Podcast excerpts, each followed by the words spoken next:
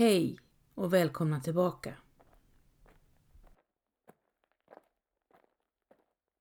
Makten ligger nu hos riksrådet som har mandat att rösta ner kungen. Den politiska hetluften förflyttas successivt mot riksdagen och med tiden bildas två löst sammansatta politiska falanger, hattar och mössor. Mössorna vill behålla freden, som varat i snart 20 år, medan hattarna önskar återupprätta Sveriges ära efter det stora nordiska kriget som gav svidande förluster för Sveriges del. 1741 lyckas Hattpartiet driva igenom ett anfall mot Ryssland och i Stockholm jublar man när Svea livgarde skeppas över till Finland.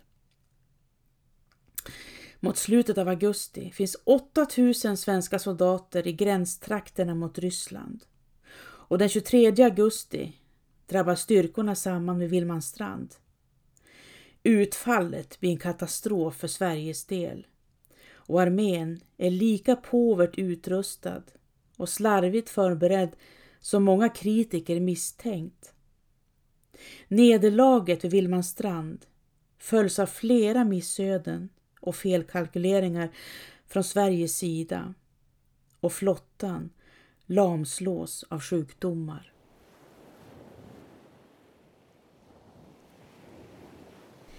Två av soldaterna som befinner sig i kriget är livgardisten Anders Kreander från Stockholm och indelte soldaten Jonas Mårtensson Lind från Ansmarks by utanför Umeå i Västerbotten. Livgardisterna tillhör ett särskilt värvat regemente och soldaterna bor inhysta hos borgarna i Stockholm. Livgardisterna betraktas som hårt tränade och mycket disciplinerade. Anders Kirander, som kommer från Vemo i Finland, är son till en kyrkoherde och tog värvning vid Svea livgarde för snart tio år sedan. Efter tre månaders förläggning vid Fredrikshamn bryter Svea livgarde upp och marscherar mot Viborg. Vintern rister, utrustningen är undermålig och snart börjar sjukdomar sprida sig. Manfallet blir stort. Livgardisterna återvänder till Fredrikshamn och Anders Kreander avlider den 7 mars. Två dagar senare går livgardisterna på vägen norrut igen mot Munsala. Hemma i Stockholm finns Anders Kreanders hustru och tvåårige son.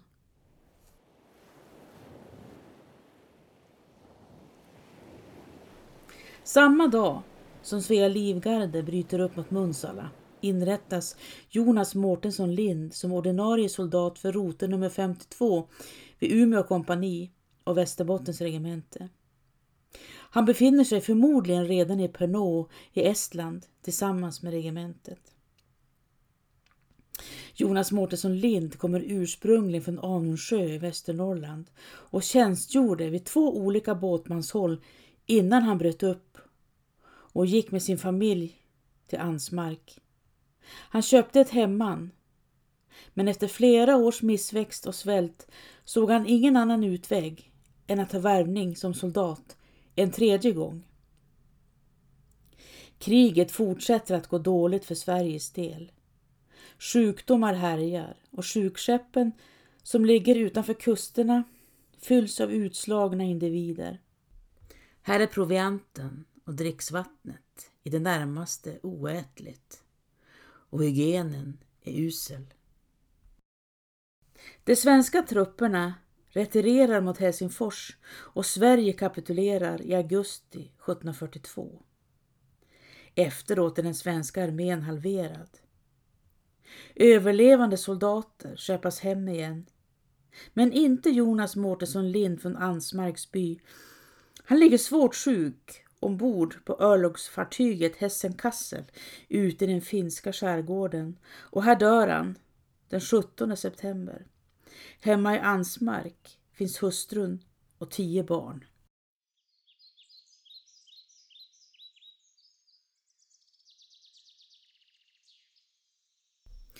Mor Maja-Stina knäpper sina händer och ber. Gud, jag vet att ni kallar hem det bästa. Jag vet också att vi människor ska lita till er rättvisa nåd.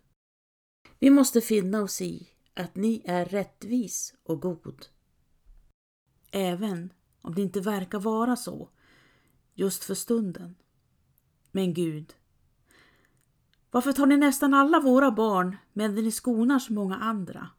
Erik tog ni, och Nils, och Britta och Petrus. Sedan tog ni Barbro och Erik och Maria Katarina och Stina och Nils och Eva-Charlotta. Nu har vi bara Olof, Johan och Stina-Sofia kvar. Käre Gud, låt mig få behålla lilla Stina-Sofia. Jag ber er ödmjukast att tänka på det. Försök förstå, även om ni aldrig kan bli fruntimmer. Och Gud, är ni där? Om ni inte är där, var är ni då? Vi människor måste lita till att era gärningar, så som i himmelen, så och på jorden, leder till allas sällhet. Men Gud, då gäller det att inte glömma bort någon.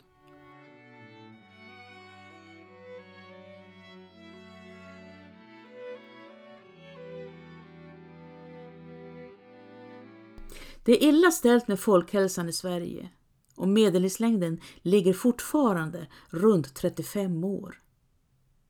Men nu har man kommit på något nytt. Nu får prästerna att göra, för nu ska det föras befolkningsstatistik. Prästerna får i uppdrag att fylla i förtryckta formulär om nativitet, mortalitet och sjukdomar som ska skickas in centralt varje år för analys. Ja, vad det nu ska vara bra för. Det finns ju bara två sjukdomar hur som helst, förkylning eller döden. Det vet väl alla.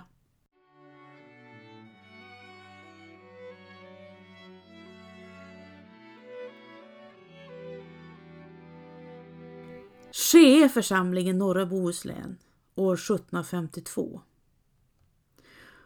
106 barn föds under året och 68 människor dör.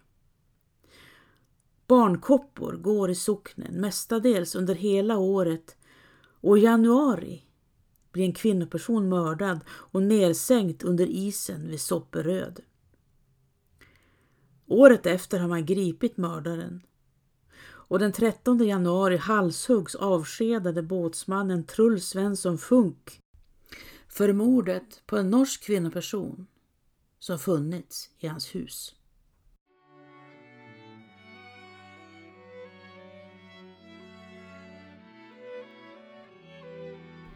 Läkarna är få, kunskapsnivån låg. Det är ont om mediciner, men gott om huskurer. Vid förkylning, lägg två kanelstänger i vin.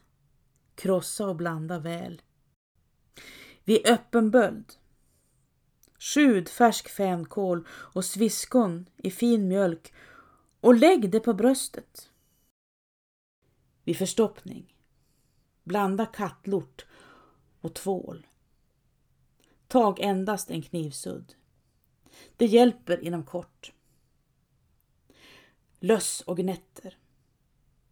Ta en vinbärsklase, helst av den svarta och mosa tillsammans med vitlök Smörj sedan in huvudet. Då dör både löss och gnätter.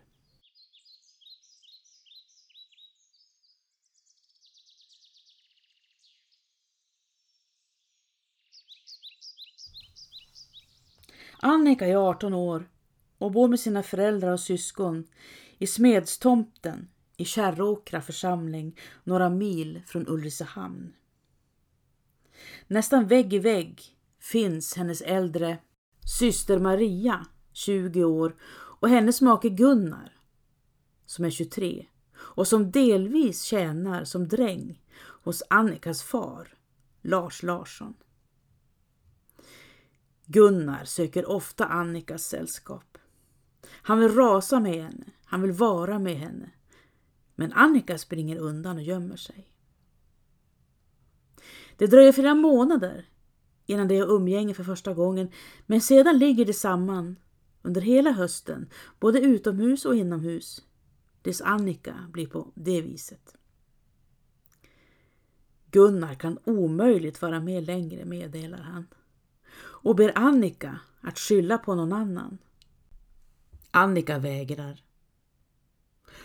Och då uppmanar Gunnar henne att göra sig av med barnet.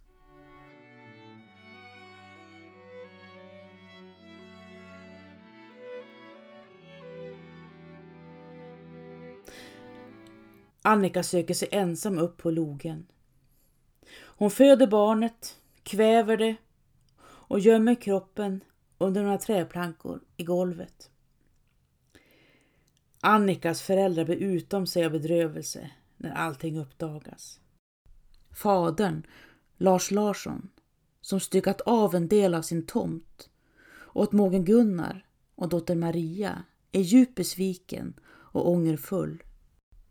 Syster Maria, som strax innan allt blev känt förlorat sin fem månader gamle son försäkrar Annika att hon aldrig någonsin kommer att förskjuta varken henne eller Gunnar.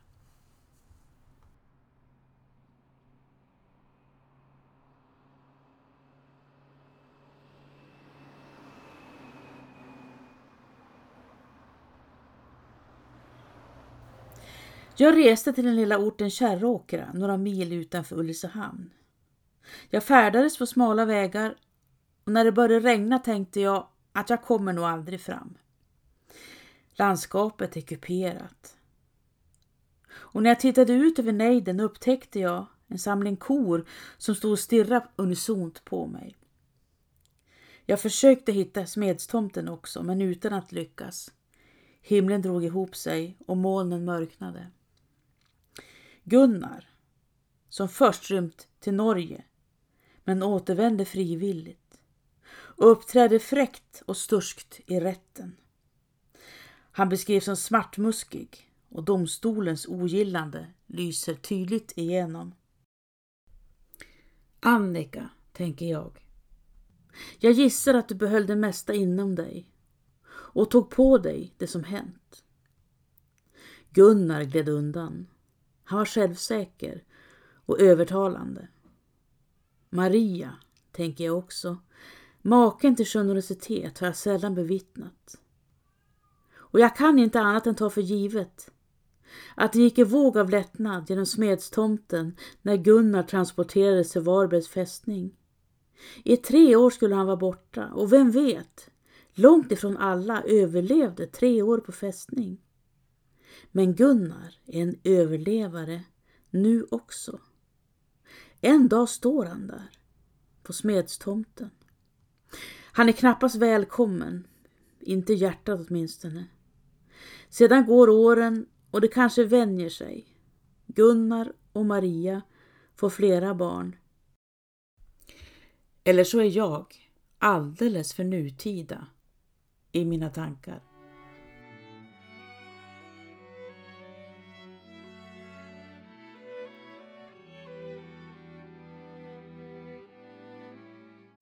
Efter några år med befolkningsstatistik framträder tydliga mönster. Spädbarnsdödligheten är skyhög. Hälften av alla barn dör under småbarnsåren. Många barnaföderskor dör också, för att inte tala om de återkommande sjukdomsutbrotten av smittkoppor, mässling, difteri och kikhosta. Det finns fler problem också. Det utbredda fylleriet, syfilis, och det kanske knepigaste av allt, vidskepelsen som dominerar människors tankar istället för kunskap. Och det vet väl alla att städerna är riktiga snuskhärdar där dricksvattnet hämtas ur samma källa där man dumpar avfall och djurkadaver.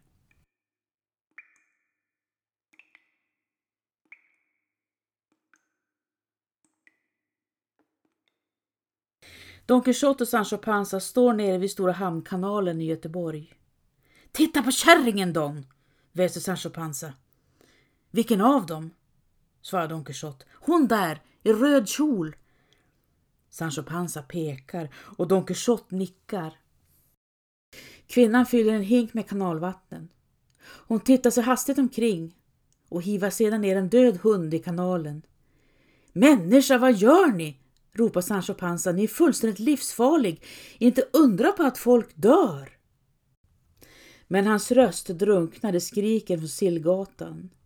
Några kvarter bakom dem. Elden är lös! Don Quixote och Sancho Panza vänder sig om och upptäcker rökpelaren som stiger mot himlen.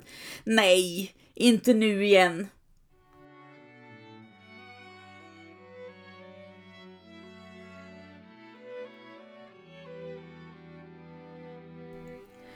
Provinsialläkarna blir fler och får tydligare instruktioner. Barnmorskor måste vara utbildade och Collegium Medicum ska undervisa och sprida kunskap genom små skrifter i angelägna ämnen som barnavård, amning och hygien. Jonas Alströmer importerar kunskap och nyttomaskiner till Sverige. Kristoffer Polheim uppfinner en lång rad nyttomaskiner som pressar och hyvlar. Astronomen och matematikern Anders Celsius skapar en ny temperaturskala och apotekaren och kemisten Carl Wilhelm Scheele namnger flera grundämnen.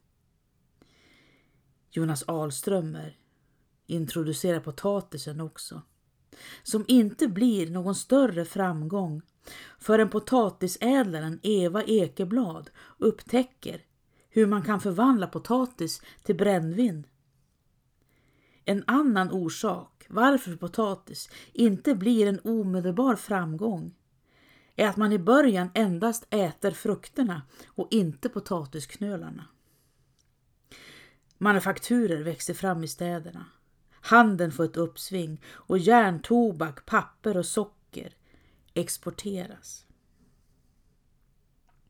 I Göteborg grundas Ostindiska kompaniet som får monopol på handeln öster om Goda Hoppsudden.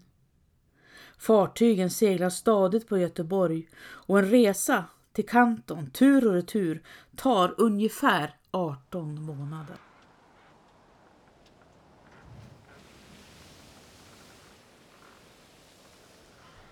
Förhållandena ombord är svåra men reglerna tydliga. Besättningen får inte berusa sig eller förlusta sig så att säkerheten äventyras. Vädret kan variera kraftigt mellan kyla, hetta och fukt. Hygienen är obefintlig. Man tvättar sig när, man, när båten ligger i hamn. Bristen på färska matvaror framkallar sjukdomar och smittan sprider sig snabbt i de trånga, fuktiga hålrummen under däck där manskapet sover. Men nya varor kommer samtidigt till Sverige, som te och kaffe, även om det inte alltid är självklart vad som är vad.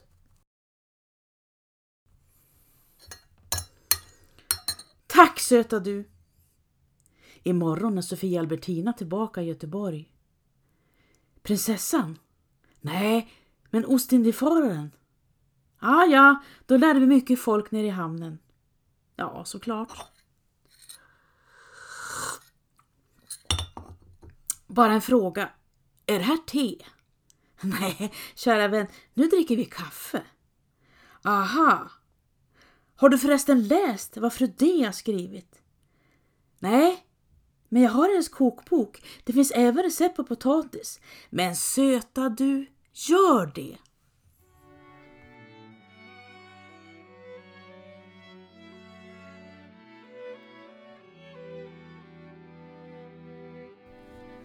1766 får Sverige världens första tryckfrihetsförordning. Kristoffer Polhems barnbarn, Anna Maria Ruckensköld, gift Dahl, skriver en rad kokböcker och publicerar också en skrift i Allmänna magasinet 1770 under pseudonymen Fru D. Skriften, den olyckliga svenska fruntimmers böneskrift till allmänheten, hävdar att unga flickor bör få undervisning i praktiska ämnen som matlagning och hushållsekonomi, inte bara lära sig konsten att behaga. Fru D förespråkar lärohus i varje socken och att vissa näringar ska öppnas för kvinnor. Nå, smakar kaffet gott? Ja, jo. Fast jag föredrar nog te. Ja, kanske det. Men vi har glömt två innovatörer, hojtar Don Quixote. Vilka då? Vilka då? Det är inte möjligt! Zoologen Peter Atedi ägnar sig åt fiskar. Sommaren 1735 bor han i Amsterdam och på kvällen den 27 september är han på väg hem efter en middag. Men så drullar han ner i kanalen och drunknar, 30 år gammal. Ett svajigt steg och sedan bär det av över kanten. Så himla onödigt, suckar Sancho Panza. Så swish, på någon sekund är allt förbi. Vad är meningen? Ja, det kan man verkligen fråga sig. Eller hur? svarade Don Quixote. Var han full? Tror du det? Ingen aning. Och sen har vi ju Carl Linnaeus. Ja, och Carl får vi träffa nästa gång. Tack för idag och tack för att ni lyssnat.